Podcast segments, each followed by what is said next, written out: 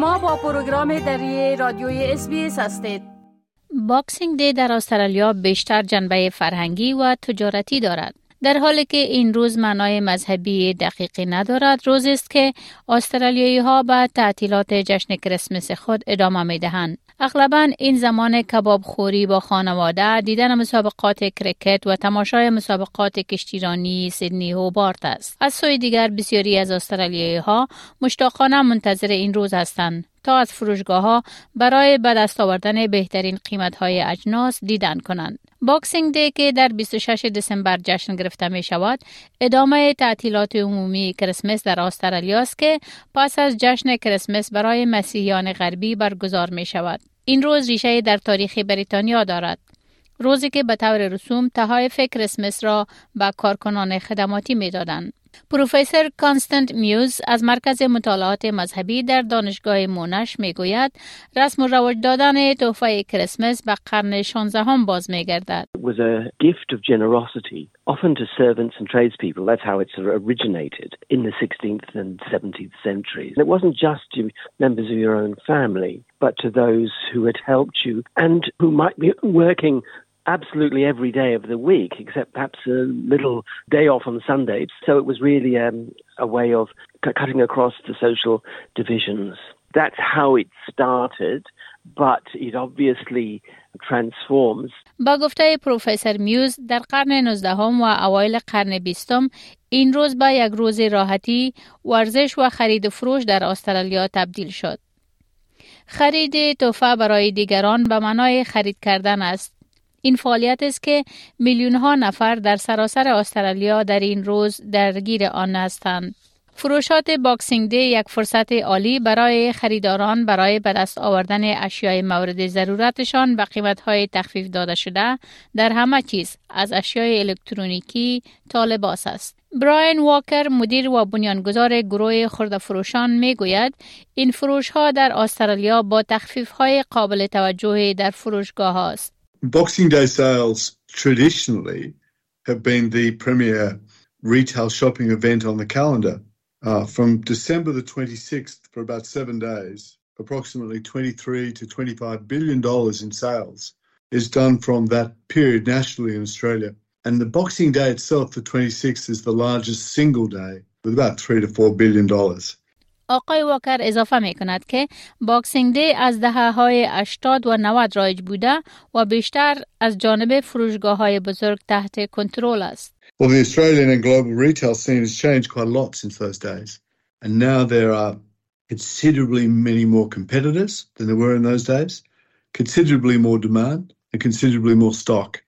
So it's a more competitive environment for retailers at one level. It's a more competitive environment for shoppers who are well researched to do well in. Boxing Day یک فعالیت لذت بخش برای برخی است به خصوص فرصت برای معامله های خرید و فروش خرد فروشان. لورن دی بارتولو بنیانگذار مؤسسه سبک استرالیا می گوید Boxing Day زمان فروش مهم برای استرالیایی هاست. اما این تنها زمان فروش نیست. در اکتبر روز کلیک فرنزی و در ماه نوامبر هم روز بلک فرایدی تخفیف های بی سابقه را داریم.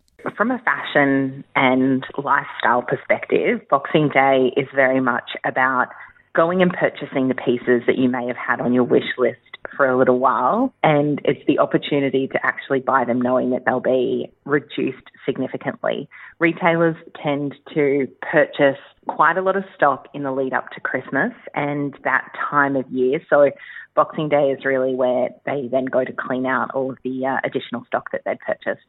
در حالی که فروشات می تواند هیجان انگیز باشد ایجاد بودجه ضروری است مقدار مشخصی را برای خرید اختصاص دهید و مطابق آن مصرف کنید. استاد امور مالی نادیا مسعود از مکتب تجارت و کار در ملبون توضیح می دهد. First, you need to list the sources of uh, income or revenue and then list the itemized expenses. And there is uh, some expenses that are stable and have no control over them. This is what we call fixed expenses. And there are variable ones. We consider them as discretionary. And this is where you have full control, where you can make choices. با گفته آقای واکر فصل فروش بزرگ از اواسط نوامبر تا پایان جنوری هر ساله آغاز می شود و انتظار می رود در این روزها حدود 70 میلیارد دلار مصرف شود. شما می توانید معامله های خرید و فروش خوبی از طریق آنلاین و در فروشگاه ها در Boxing Day پیدا کنید. این مربوط به این است که شما کدام طریق خرید را ترجیح می دهید. اما با افزایش خرید آنلاین آقای واکر می گوید خرید کردن از طریق آنلاین باید بسیار محتاطانه صورت گیرد. Ensure that their actual online process is secure, check the banking details, check that all the security apps are in place. But I think more than anything, know the retailer, know that the site is secure, and all reputable retailers have secure transaction pathways and secure sites. اگر تصمیم دارید شخصا به بازار بروید و خرید کنید، تحقیق و برنامه ریزی از قبل می تواند به شما کمک کند تا در باکسینگ دی به نتیجه خوب برسید. خانم دی بارتولو می گوید Research is good, particularly if you're watching a budget this year, because certainly it's so easy to overspend. And that's really what a lot of the wording and marketing that surround these deals help to do. You know, they incentivize us spending money. اگر ترجیح می دهید از تحقیق و خرید در مورد به دست آوردن بهترین قیمت ها در فروشگاه ها یا در یک مرکز خرید اجتناب کنید، خانم دی بارتولو توصیه می کند که بودجه و نیازهای خود را هنگام خرید در نظر بگیرید. There's a part of the brain called the reticular activating system. This is sort of part of the psychology of style. What it does is it has us looking for more of the same thing that is already familiar to us. So what that can mean is often we will go looking for things that we already have in the wardrobe. So I think the best research you can do is to look within your own wardrobe and your own home at what you do have and don't go and buy more of the same thing if you don't need it.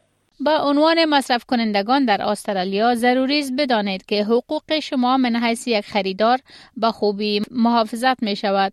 دانستن این موارد می تواند شما را از مشکلات زیاد نجات دهد.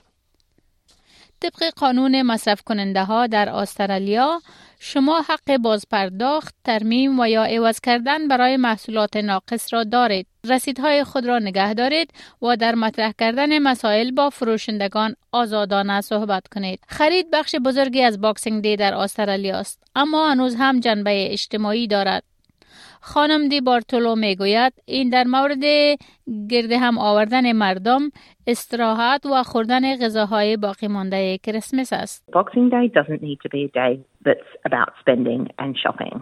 At the heart of Boxing Day, for many Australians, it's considered a day that is where people can relax after the momentum that builds and the rush that happens in the lead up to Christmas in particular.